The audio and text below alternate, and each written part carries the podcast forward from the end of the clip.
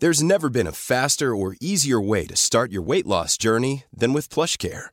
PlushCare accepts most insurance plans and gives you online access to board-certified physicians who can prescribe FDA-approved weight loss medications like Wigovi and Zepbound for those who qualify.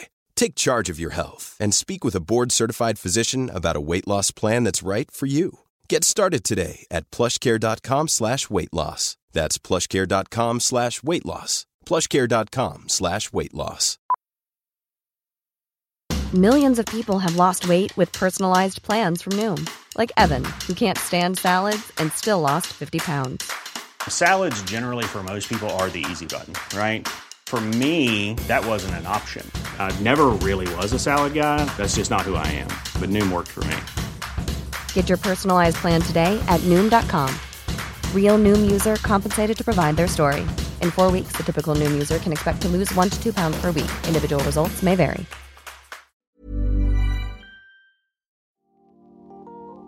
Det här är ett samtal med Tobias Hubinett, forskare verksam vid Karlstads universitet och författare till en rad böcker om ras och rasism i Sverige.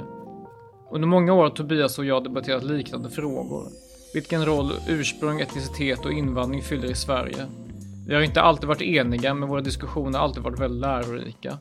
I dagens samtal blickar vi tillbaka på 2010-talet. Vad hände egentligen i Sverige när det kommer till frågor som rör just hudfärg och rasism? Och vilket är det Sverige som vi ser utvecklas framför våra ögon med djup segregation?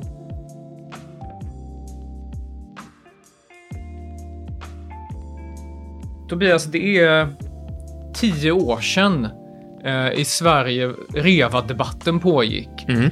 Och jag minns att det var, det var den första riktigt stora diskussionen om eh, liksom ras, diskriminering, etnisk profilering och så vidare. Och det handlar ju om att det var polisen som gjorde en inre utlänningskontroll eftersom vi är medlemmar i EU, Schengen, Mm. har vi liksom, vår yttre gräns är så att säga väldigt porös. Jo. För det är det är så inskrivet i, Schengenavtalet. Och därför så gjorde man en inre utlänningskontroll. Man kollade folk på tunnelbanor Mm. och så vidare.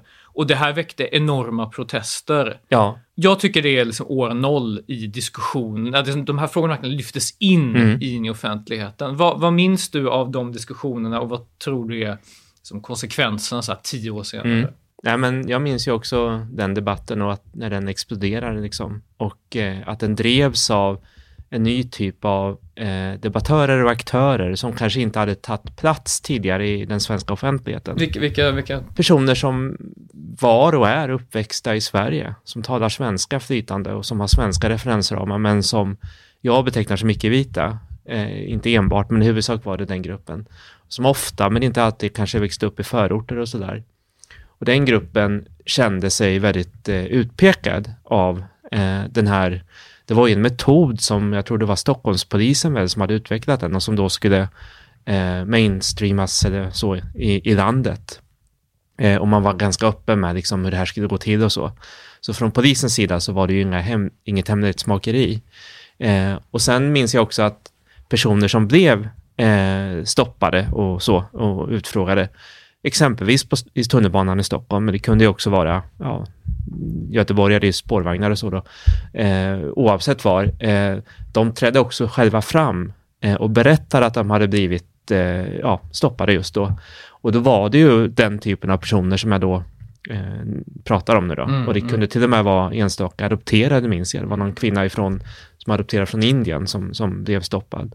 Eh, så det var ju eh, en debatt som i mångt och mycket, skulle jag säga så här i efterhand, och det kanske vi faktiskt är överens om, eh, när det icke-vita Sverige liksom för första gången trädde fram som en stor demografisk grupp sådär. Vid det här laget 2013 så har ju Sverige är ju mitt uppe inne i en, jättestor demografisk förändring Mm. som har gjort att en stor andel av befolkningen har rötter från utanför Sverige. Mm, och utanför Norden. Och utanför Norden Ja. och utanför Europa. Ja, dessutom. Eh, vilket gör att, att eh, man ser olika utseenden och det finns en, en, en enorm mångfald i utseenden.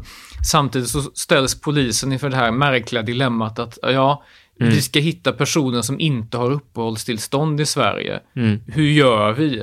Eh, ja, man, man, går inte på dem som man uppfattar som etniskt svenska. Nej. Men det varse blir också för många att ja, det finns en uppdelning här och den mm. måste polisen göra, mm. inte för att de gärna vill, men för att det är det mest praktiska. Ja. Ja. Och då kommer man in på det här med rasprofilering mm. och så vidare.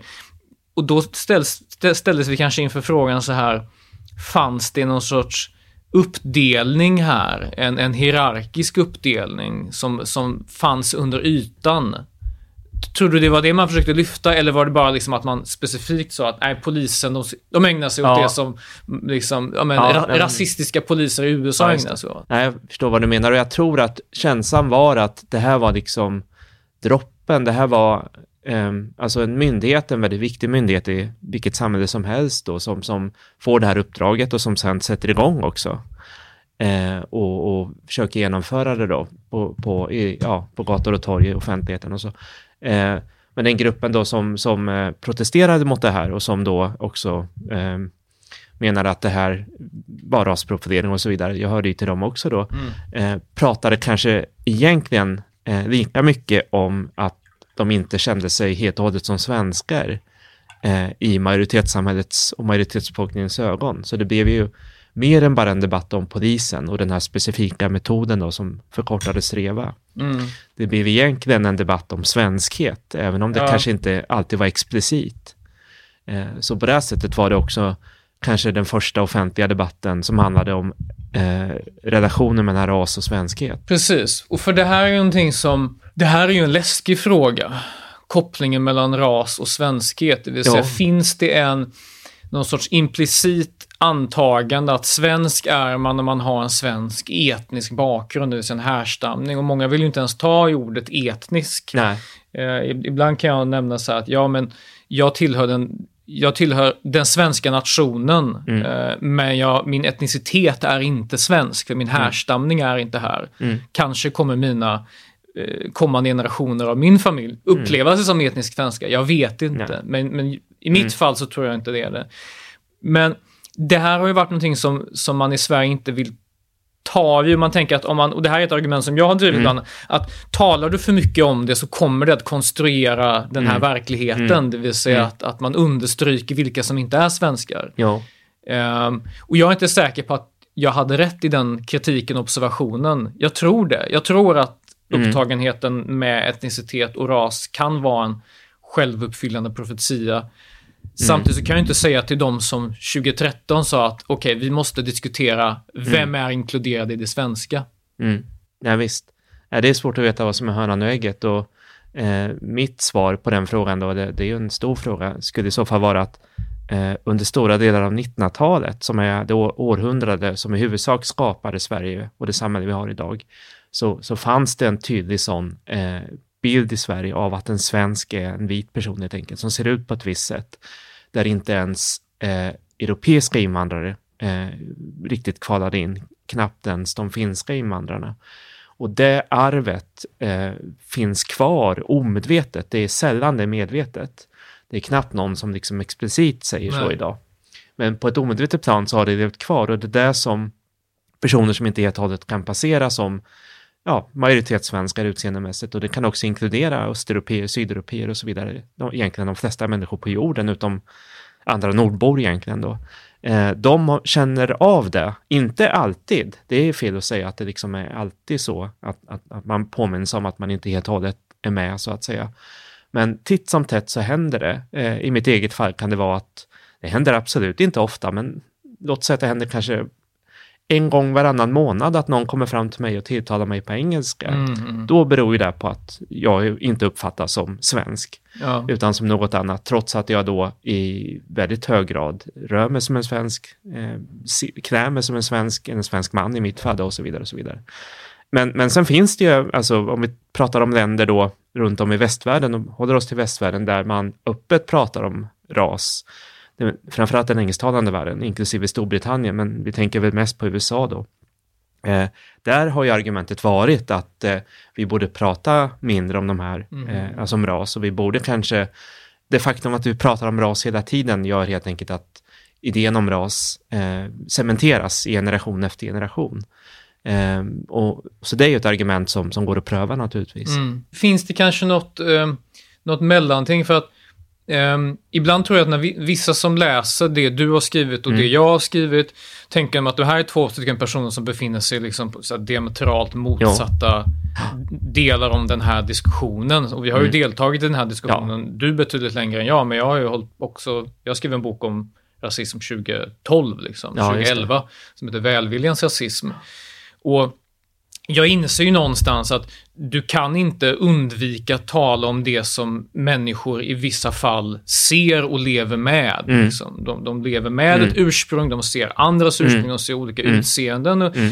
och tar det här med att folk, jag har också jag har suttit på jättefin restaurang eh, med en person som inte heller har rötter i Sverige och blivit, Mm. blivit tilltalade på engelska för de utgår från att Ja, liksom, visst. sitter de här Ja. då är det liksom utländska affärsmän eller akademiker, Mm. vad det nu må vara. Liksom. Så jag, jag, jag förstår det Mm. där. Men samtidigt har jag tänkt att ja, det finns ett värde av exempelvis, ta begreppet rasifiera. Mm. Jag tycker det, det är ett värdefullt Mm. verb att använda för att beskriva vad som händer när någon blir Mm. utpekad som annorlunda. Och Mm. rasifiera är då på något sätt att, att urskilja någon. Till och med omedvetet oskyldigt Ja. eller ibland väldigt, väldigt så att säga, elakt. Men jag upplever att det, och här ska jag försöka komma till varför jag tror att det är ett problem med för mycket rasprat. Mm. Och reducera till det. Att rasifiera blev ett substantiv. Du är Ja. rasifierad. Mm. Och det tror jag kan hindra den här processen varigenom vi faktiskt smälter ihop lite Mm. grann. Att det blir inte alldeles tydligt vad som är etniskt svensk för att liksom, det är så många blandäktenskap Mm. och det, det här utseendet smetas ut Ja, rätt visst. mycket. Ja. Eh, Och att den här fokuset på ras, som visserligen kunde synliggöra någonting väsentligt, också kan slå över. Jo, nej, visst. Vad tror du om det? Ja, men jag kan, jag kan se det argumentet att det finns fog för det. Eh, och sen, sen är det ju så att varje land liksom har sin egen historia då. Och jag pratar ju gärna om 1900-talets Sverige och det här starka rastänkandet som gällde då fram till kanske 60-talet. Mm. Eh, men sen kommer det ju någonting annat och det som kommer efter är ju då en helt annan attityd till ras som säger att vi ska sluta se ras. Vi ska inte bry oss om det här alls och det är ju den här färgblinda attityden då som blir detsamma som antirasism kort och gott. Eh, och det är någon slags universalistisk liksom, idé om att eh, ja, bor man i Sverige och är svensk medborgare och pratar svenska hjälpligt, då är man liksom svensk. Och det ska inte ha någon betydelse hur du råkar se ut. Eh, och det är ju en, en, en, liksom, en, en bra tanke på alla sätt och vis. En färgblind vision helt enkelt, som eh, intressant nog då, eh, när den slår igenom den här idén om färgblindhet, så är det ju i samma ögonblick som Sverige börjar bli ett stort invandrarland och där invandrarna allt mer inte ser ut som svenskar. Det är inte bara nordiska invandrare nu, utan nu är det liksom Sydeuropa, Östeuropa och snart också eh, personer som kommer utanför Europa. Eh, men eh, sen finns ju då det här andra arvet då, som sagt, som, som föregår eh, 60-talet, där idén om svenskhet är så knuten till ras. Och de här två, eh, båda de här liksom synsätten, å ena sidan att svensk kan du bara vara om du verkligen eh, så här, ser ut som vita svenskar kort och gott. Och det andra då att vi ska inte prata om ras, för eh, det Eh, det, mot, det, det delar upp och det, det polariserar och eh, det motverkar, om vi använder ordet integration då kan vi göra, eh, idén om någon slags inkluderande svenskhet. Båda de här arven eh, stöter ju på patrull när verkligheten då liksom är som den är. Eh, och då får man ju gå dels till hur personer själva upplever saker och ting, men man kan också gå till siffror, siffror och statistik som visar att det finns en, en stratifiering, då skulle samhällsvetare säga, utifrån eh, det är helt klart så att personer med utomeuropeisk bakgrund är den mest marginaliserade gruppen. Mm, mm, Eh, sen finns det andra parametrar i det här som liksom gör att det inte är så lätt att veta vad som är vad. Exempelvis det faktum att vissa av de här grupperna utanför, som kommer utanför Europa, de har ju kommit ganska nyligen. Eh, och det är ju naturligtvis en, en parameter eller en faktor som, måste, som man måste ta hänsyn till. Det vill säga hur länge gruppen i fråga har varit i Sverige. Eh, så. Eh, men faktum kvarstår att ras har betydelse i Sverige liksom i övriga världen. Eh, eh, sen är det frågan då, ja, och det är den frågan du ställer då, hur, hur, mycket, i, i hur hög grad ska vi prata om det här? eh, ska vi till och med, som jag då förespråkar, och då var det en, ja, det är en närbesläktad debatt och jämlikhetsdatafrågan. Det vill säga att man i Statistiska centralbyrån ja. har information om ursprung för att därefter koppla samman det med liksom ja. inkomst och allting. Liksom sådär. Eh, och det har vi ju inte riktigt än, men eh, det är ju någonting som man också kan ställa sig frågan kring dem. Om, eh, vad skulle hända om vi börjar få den typen av data som man har i den engelsktalande världen? Mm.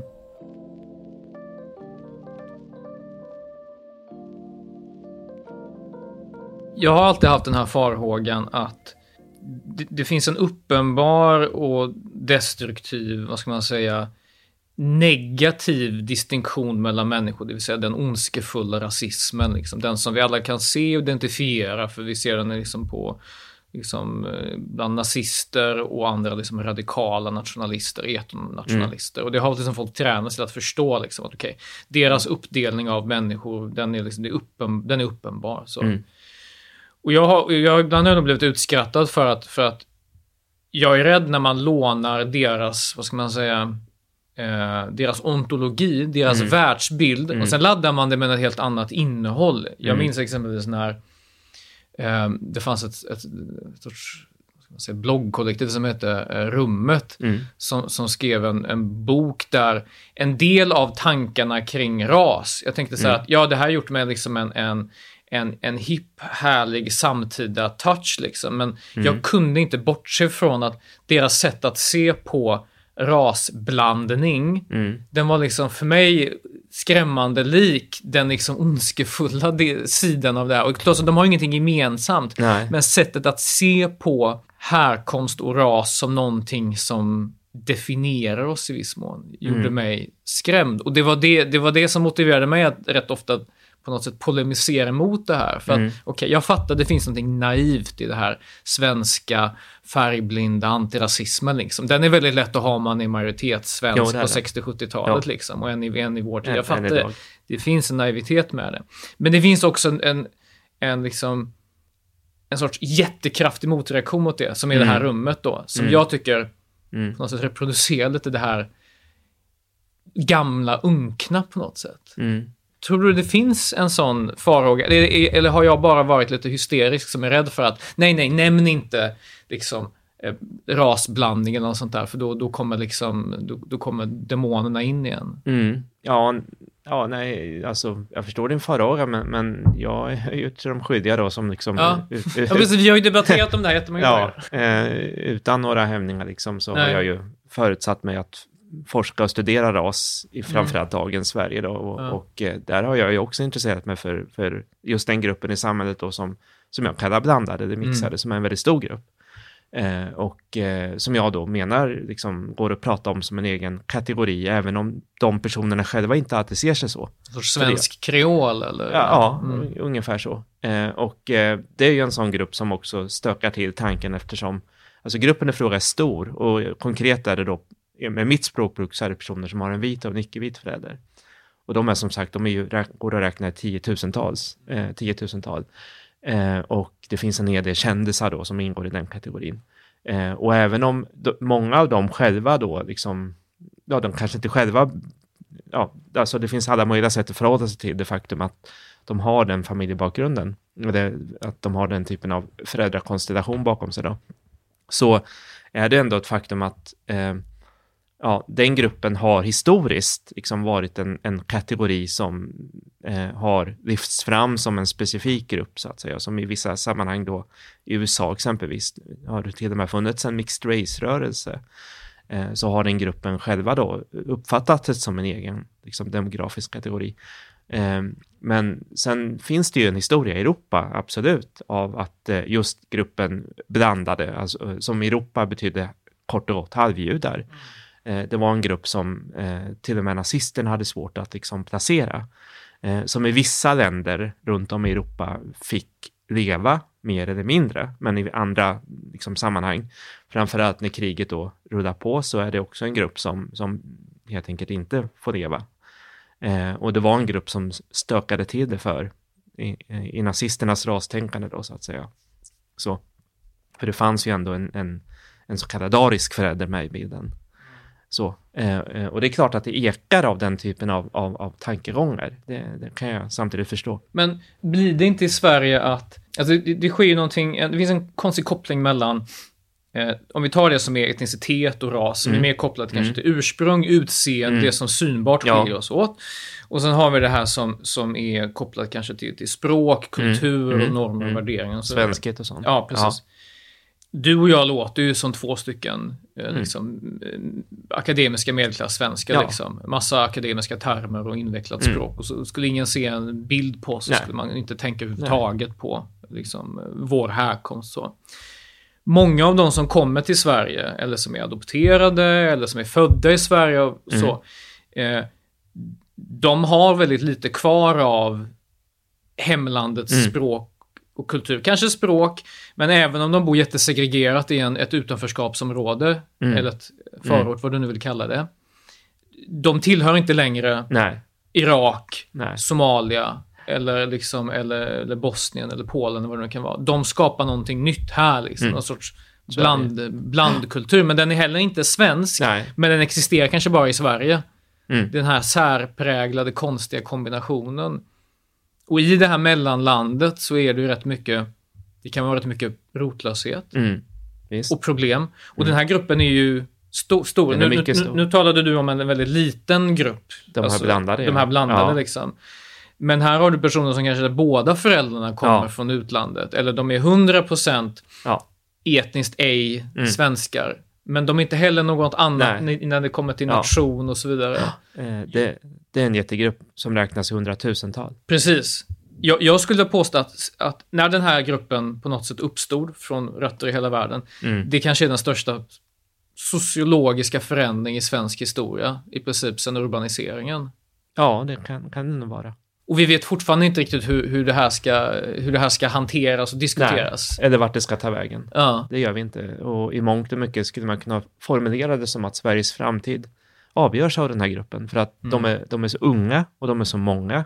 Och de har en sån impact bland, liksom, alltså i, i, i samhället i stort och kommer mm. att ha det eh, under överskådlig tid. Eh, så om det går dåligt för den här gruppen, alltså som jag då kallar andra generationer, ja. eh, ofta men inte alltid uppväxt i förorterna, eh, så eh, ja, då kommer det att påverka hela det svenska samhället. Går det förhållandevis bra för den här gruppen så kommer det i sin tur att påverka det svenska samhället och naturligtvis till det bättre. Mm.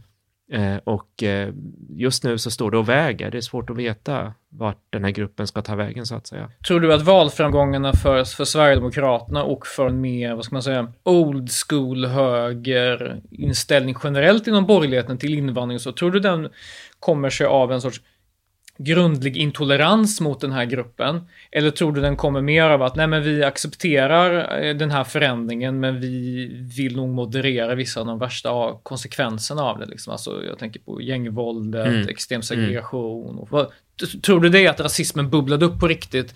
Eller tror du att det, det mer var en, en sorts man säga, ett korrektiv till att det gick för långt med segregation? Ja, det är väl kanske någonstans däremellan då i så fall. Eh, mm. Beroende på vilket parti vi pratar om. Pratar vi om SD så är det ju definitivt så att SD ser den här väldigt stora andra generationsgruppen som något slags demografiskt hot för att de är så oerhört många. Och särskilt då bland unga personer. Mm. Procentuellt är det liksom en, en, betydande del av, av alla unga, alltså barn och ungdomar och unga vuxna helt enkelt. Eh, när det gäller alltså, borgerligheten, högern i stort, så är det ju det andra då i så mm, fall, mm. skulle jag säga. Mm. Eh, och sen är det väldigt svåra, liksom, de här avarterna som du pratar om, då, de är ju väldigt svåra att komma åt. Mm. Eh, för de har, ja, ja, det är ju mångt och mycket andra generationen som till viss, eller till, till stora delar Alltså om vi pratar skjutningar för att vara väldigt konkreta, det är ju i huvudsak andra generationerna som, som både blir skjutna och skjuter. Yeah. Eh, och både, både sprängs och spränger så att säga. Mm. Eh, det är inte invandrare, eh, även om det finns personer som har invandrat, men då har de gjort det kanske när de var två, tre år gamla. Så till största delen är det här personer som är födda uppvuxna i Sverige, som har svenska referensramar och pratar svenska och så vidare och så vidare.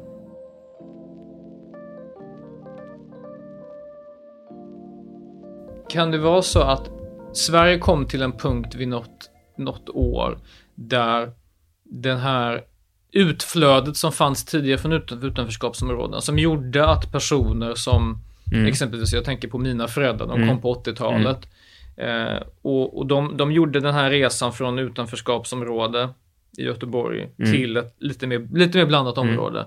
Det gick att göra på Jo. något sätt. Jo, Eh, och och, och där, därför kunde jag hamna i en, en överlag svensk-dominerad Mm. miljö. Och Mm. ingen etnisk grupp eh, som inte var svensk kunde liksom Dominera. dominera och därför så var vi, så att säga, den, den ehm, eh, stjärna som vi alla kretsade kring var så att säga det svenska språket och så Mm. vidare.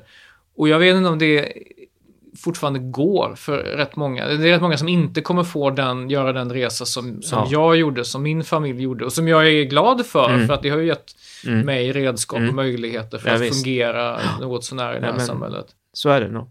Eh, De grupper som kom tidigare än de som kom senare så att säga, Mm. de har ju lyckats göra den resan. Mm. Chilenerna, latinamerikanerna, bosnierna, iranierna och en del grupper till östeuropeer. Mm. Eh, Men eh, de stora grupperna som vi talar om nu då, med utomeuropeisk bakgrund i stort sett helt och hållet, Mm. eh, där kommer det bli mycket svårare för särskilt andra generationen att, att göra den resan om de, om de vill göra den då. För det är så mycket som har cementerats eh, när det gäller just den här extrema segregationsnivån som vi har i Sverige. Och det finns ju siffror på det här, det finns liksom eh, grova siffror, men det, det finns, alltså jag har dem inte exakt i huvudet, men man brukar säga att innan 90-talskrisen så tror jag att eh, invandrarnas liksom, privatekonominivå, om man lite slarvigt, i, i relation till majoritetsinvånarnas handlar om kanske 85 procent. Så visst, de, de låg efter, absolut, men, men in, ja, 15 procents skillnad då. Och den har sen bara rasat och den är kanske nere på ja, 65-70 idag. Eh, Så, så det har liksom bara blivit värre eh, för, för, för, för den gruppen och deras barn naturligtvis då, för det är ju eh, de flesta invandrare har ju naturligtvis också barn. Eh, Och det säger någonting om att det är mycket tuffare idag att göra den resan. Tro, tror du att det ligger i korten för Sverige att vi får på något sätt en sorts permanent etnifierad underklass? Lite på samma sätt som i USA så har afroamerikaner fortfarande i en del storstadsområden som Philadelphia och Washington Mm. och så, de, de är fortfarande liksom en, en permanent underklass med jättehöga våldstal Ja, eh, låga hälsotal, låga Mm. inkomster, liksom, lågt ägande av kapital Mm. och så vidare. Det är klart det finns vansinnigt många afrikaner som är jätteframgångsrika, jo, men sen har du också en, en rätt stor grupp som är visst. Rör vi oss mot att det cementeras i Sverige, att du har Mm. utanförskapsområden med många från, med röster från Mellanöstern som liksom det sker ingen rörelse från Nej. den gruppen in till majoritetssamhället. Nej, det är nog så. Eh, det är, alltså återigen med mitt språkbruk så handlar det om en icke-vit underklass Ja. som inte ens är arbetarklass. I bästa fall är det någon slags lägre arbetarklass, eh, men knappt ens det. Eh, det är liksom spannet är då att stå helt utanför arbetsmarknaden till att liksom, ja, aldrig kanske få ett fast heltidsjobb, men ha- någon slags inkomst då och då. Eh, och det mesta av den inkomsten kanske består, kanske är obeskattad, det vill säga det är en, den här informella ekonomin då som, som, som växer så stor som är serviceekonomin eh, helt enkelt. Eh, och, och det som blir otäckt då är just att genom, genom att underklassen och, det, och i bästa fall den lägre arbetarklassen är i stort sett helt och hållet rasifierad, alltså den icke-vit, eh, eh, ett icke-vitt befolkningssegment vi talar om, så, så blir ju parallellen till USA, den blir väldigt, den är otäck att göra liksom, det finns Verkligen. absolut eh, likheter. Eh, och det amerikanska exemplet är ju, det är ju katastrofalt genom att det har gått rätt många generationer nu sen om vi liksom bör, tänker att år noll för svarta amerikaner är ändå när slaveriet avskaffas. Eh, och fortfarande är stora delar av den gruppen då, eh, ja, amerikansk underklass helt enkelt. Eh, sen behöver det inte bli så i Sverige, det är svårt att veta eh, vart det kommer ta vägen. Eh, det finns ju länder i, runt om i, framförallt i Västeuropa, där, där det också finns liknande paralleller då, men, men samtidigt, om vi tar länder som Nederländerna, eh, Belgien, Frankrike, eh, Storbritannien, skulle också säga Schweiz här då, eh, så, så finns det samtidigt, som det verkar, större grupper av, särskilt då eh, med utomeuropeisk bakgrund, som, som har lyckats i deras samhällen. Det är den känslan jag får. Och det tycker jag mig kunna se liksom när man, när exempelvis EU publicerar statistik då på någon slags alleuropeisk nivå. Ehm, att att eh, det är någonting med liksom den svenska situationen, ehm, det svenska tillståndet för att prata som norrmännen gör då, som, som, som är väldigt otäckt. Men vad är, det, vad är det som gör oss unika i västeuropeiskt sammanhang? För att alltså, alla de länder du nämnde, ja. alltså Schweiz, Frankrike, ja. Belgien, Storbritannien, eh, de har ju alla stora, det är visserligen olika, mm. men de har stora minoriteter, utomeuropeiska mm. minoriteter. Det har de. Ja. Vad gör oss annorlunda? Eh, ja, vi är ju på deras nivå då, mer eller mindre procentuellt då, men, men jag tror att det, det svenska samhället har byggts upp på ett lite annorlunda sätt. Eh, och det är ju 1900-talet igen som spökar och socialdemokratin och välfärdsstaten då som är mera den, är ju mera, den, den blev mer utvecklad i Sverige, det är ett faktum. Och, och, även om mycket liksom har förändrats med välfärdssystemet och så, så är ju eh, mycket av det någorlunda intakt och även hur liksom det svenska arbetslivet fungerar med, eh, eh, alltså det är absolut inte så att det är Saltsjöbadsavtalet som gäller till fullo än idag, men i, i, i mångt och mycket finns det liksom eh, ett system i Sverige som inte riktigt finns i andra länder eh, vad gäller liksom hur man löser konflikter eh, inom, alltså, in, inom arbetslivet och så vidare. Och hela det här samhällsbygget då, som jag nu syftar på, det skapades för en befolkning som var någorlunda, i alla fall relativt homogen.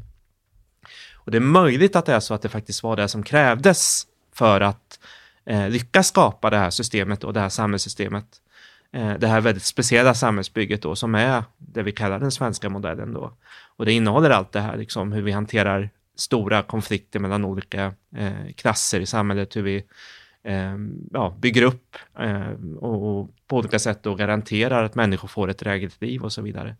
Eh, och när nu de här nya grupperna har kommit under de senaste decennierna, eh, så det är någonting som gör att de inte ens liksom kommer in i det här systemet som, som är då det svenska samhället i stort, utan de knackar i bästa fall på dörren då och en del har nästan gett upp att göra det och kanske inte ens vet hur man knackar på dörren. Ehm, och eh, eh, så, så, det är någonting i hela det här liksom, systemet i sig tror jag som, som, mm. som, som inte matchar med en heterogen befolkning. Får jag komma med en hypotes? Ja. Och så vill jag väldigt gärna höra vad du tänker om den. Sverige på 1900-talet byggs upp väldigt ingenjörsmässigt. Ja. Det är en väldigt eh, ändamålsenligt system mm. med barnomsorg och skolan mm. och socialtjänsten. Allting liksom mejslas ut. Det är ett väldigt logiskt system. Liksom. Jag tror att mm. rörelsen på 30, 40, 50-talet var sådan. Liksom. Det, här var, det var ett perfekt samhällsbygge. Det är inte bara Sverige som ägnar sig åt sådana här saker, Nej. även England under efterkrigstiden mm. och sådär. Och det här systemet antog man att det spelar ingen roll vilken input av människor du har i det här. Man tänker att det här är ett perfekt system, liksom. Mm. Föräldraförsökning, allt, allt det här. Och man tänker sig att även om det kommer personer som inte är etniska svenskar in i det här systemet, som möter det här, liksom, de här funktionella stadsdelarna mm. som byggdes under 50-60-talet. Och den här skolan och allting, allting var så, så mm. bra uttänkt. De kommer att bli en del av systemet. De kommer att bli goda svenskar mm, med, eh, tiden. med tiden.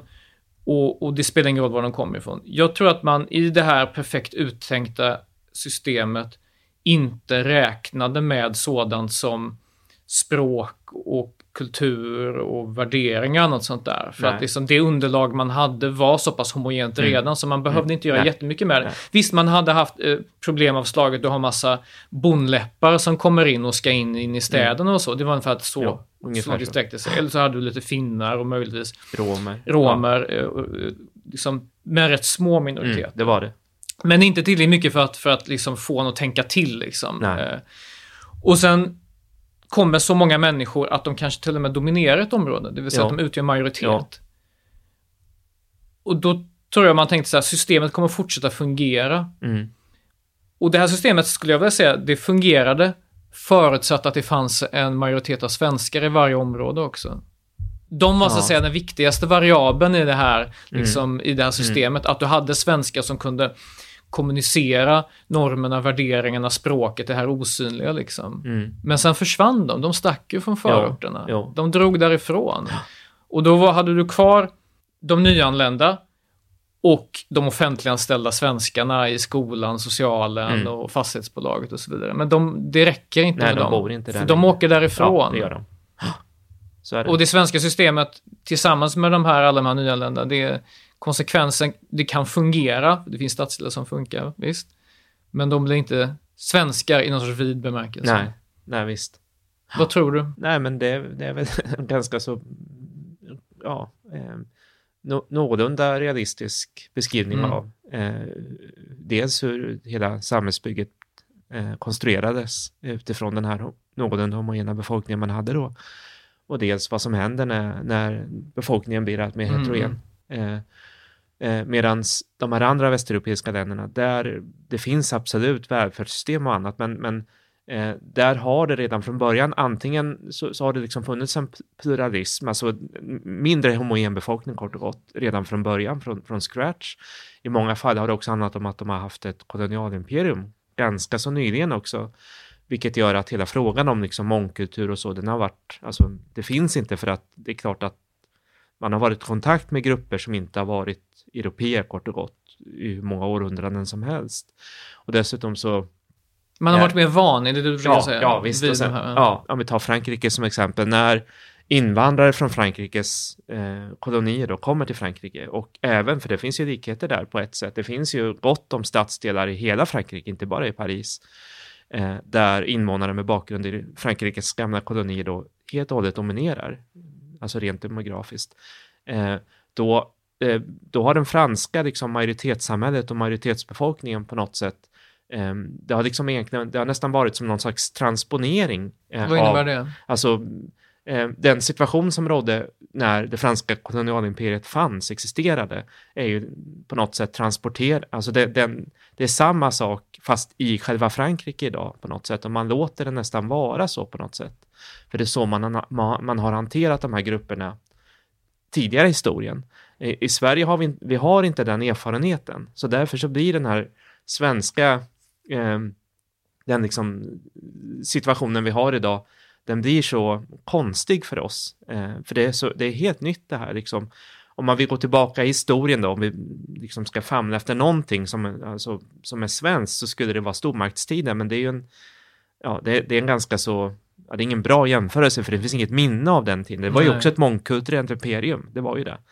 Eh, men det är ingen som tänker på det idag.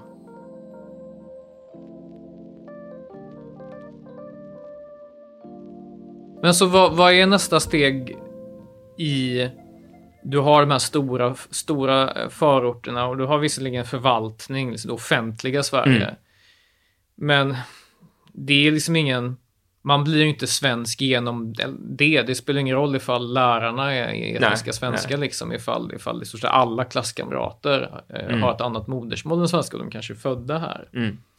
Och det finns väl en chans i att bli en del av det här majoritetssamhället mer i alla fall. Och det är ju på något sätt att flytta därifrån. Det är inte alla som har möjligheten Nej. eller vill. Jag kan Nej. förstå att man liksom, man, det finns en trygghet där. Kan Liksom. Ehm, och, och jag tycker mig inte se i, i liksom den nya regeringen har visserligen väldigt annat förhållningssätt till migrationspolitik och till Mm. liksom rättspolitik och så vidare och så. Men det finns ju ingen, ingen radikalt annorlunda idé om hur det här, liksom, den här stora segregationen och Ska lösas. ska Nej. lösas Nej, det gör det, inte. det liksom. gör det inte. Eh, och, så det, det gör ju inte det och det, det finns inga det finns ingen kardinallösning utan Nej. det har, det har byggts in under så många år nu. Eh, från 90-talet kan vi säga då och framåt. Det är ju mer än en generation då om vi tänker, eller ja i stort sett är det en, Mm. alltså 30 år då. Eh, och eh, det, nivån på den svenska segregationen verkar ju vara mer extrem än i, i stort sett hela Ja. västvärlden. Eh, och, och den verkar liksom bara fortsätta liksom och, och, och se ut som den gör eh, år efter år. Eh, så att hitta den där lösningen, den, den, den kanske inte ens finns för vår del, utan det, alltså ett sätt att förhålla sig till det här då, som, som vi nu har, eh, som vi nu lever med allihopa, oavsett om vi bor i sådana områden eller inte, är ju helt enkelt att, att, att bara leva med det och försöka hantera att det är så här. Eh, och det är väl kanske det som både den här regeringen och den förra någonstans liksom har valt att göra, även om det inte det är inte uttalat naturligtvis. Ja. För det, det, i retoriken så, så blir man ju, alltså alla är ju emot segregation. Det är ju ingen som säger att man är för det här. Eh, alltså det, det, det är ju det som är lite speciellt med Sverige också, att det är faktiskt ingen, alltså inte ens SD kan säga att vi vill inte, alltså vi vill att den här segregationen ska fortgå för att då slipper våra majoritetssvenska barn, eller vi själva, eh, bo med de här människorna, eller våra barn slipper gå i deras, på samma skolor eller vad det nu kan vara, eh, eller möta dem i samma föreningar. Eh, det går inte att säga det i Sverige, utan alla är liksom emot eh, segregationen. Migration är något annat. Mm. Eh, men alla är för integration kort och gott. Skulle man kunna kalla Men de är det inte i praktiken. Nej. Kanske är... varken de som bor ibland utanförskapsområden eller de Nej, och det är något annat. Visst, visst, i praktiken är det ju någonting annat. Mm. Men på retorikens nivå så finns det, så är det någonting som är liksom specifikt svenskt skulle jag säga på det, på det sättet att ja. man kan inte säga att det här är bra. Mm. Du, du har ägnat hela ditt liksom, yrkesliv åt att studera den här frågan, verka, alltså debattera mm. den och så vidare, och akademiskt i samhällsdebatten och så vidare. Och, och, jag har svårt att tänka mig att du skulle sluta med det. Och om, om du tittar fram lite grann, du har det här perspektivet mm. av den här generationen, mm. liksom. det är en, en generation, mm. i 30 år liksom. Om du tittar fram in liksom i, i framtiden, tror du att konfliktnivån kommer att minska eller kommer den att öka det här samhället? Tror du man kommer kunna ha det här liksom status quo, liksom, men ni är där och vi är här och det sker lite liksom ja. läckage över, det vill säga mm. personer från utanförskapsområden, utbildar sig och så försvinner de mm. iväg, de assimileras in lite grann. Ja, eh, alltså man kan ju fråga sig om, om liksom botten är nådd då, kort och gott. Eh, om, om liksom det här är piken just nu, ungefär nu, ja. kanske var för tre år sedan, kanske om tre år. Det vill säga piken vad gäller segregationsnivån kort och gott och på alla nivåer, inte bara bostadssegregation. Jag menar också skolsegregation, jag menar segregation inom arbetslivet eller vad som helst, alla sektorer i samhället.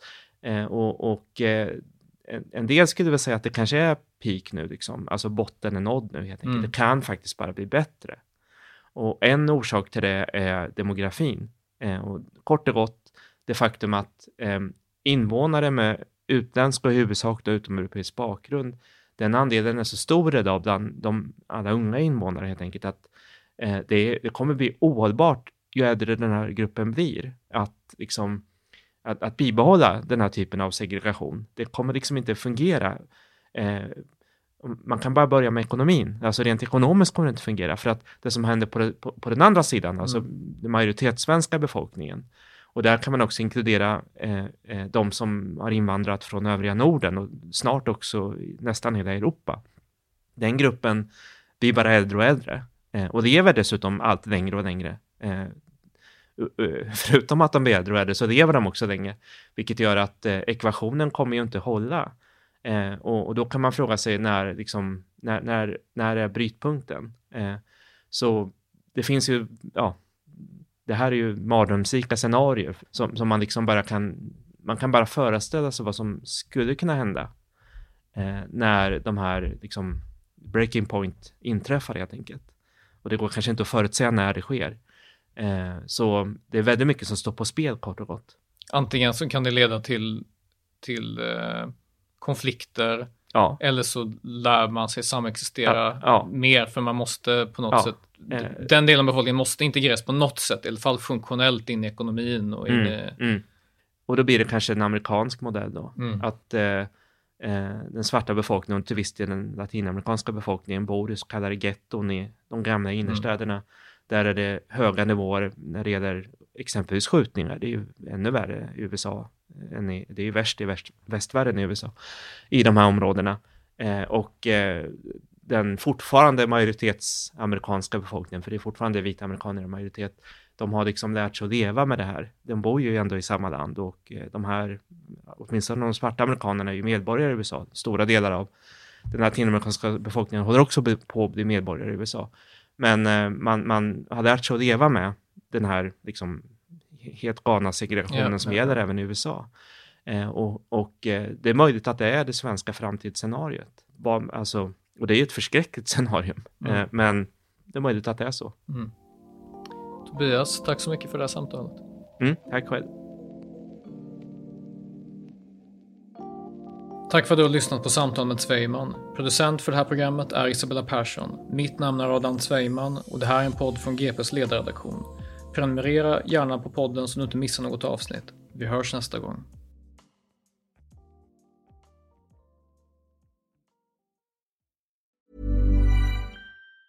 Even on a budget, quality is non-negotiable. That's why Quince is the place to score high-end essentials at 50 to 80% less than similar brands. Get your hands on buttery soft cashmere sweaters from just 60 bucks, Italian leather jackets, and so much more. And the best part about Quince, they exclusively partner with factories committed to safe, ethical, and responsible manufacturing. Elevate your style without the elevated price tag with Quince. Go to quince.com slash upgrade for free shipping and 365-day returns. Hey, it's Paige DeSorbo from Giggly Squad. High quality fashion without the price tag. Say hello to Quince. I'm snagging high-end essentials like cozy cashmere sweaters, sleek leather jackets, fine jewelry, and so much more. With Quince being 50 to 80% less than similar brands. And they partner with factories that prioritize safe, ethical, and responsible manufacturing. I love that. Luxury quality within reach. Go to quince.com slash style to get free shipping and 365 day returns on your next order. Quince.com slash style.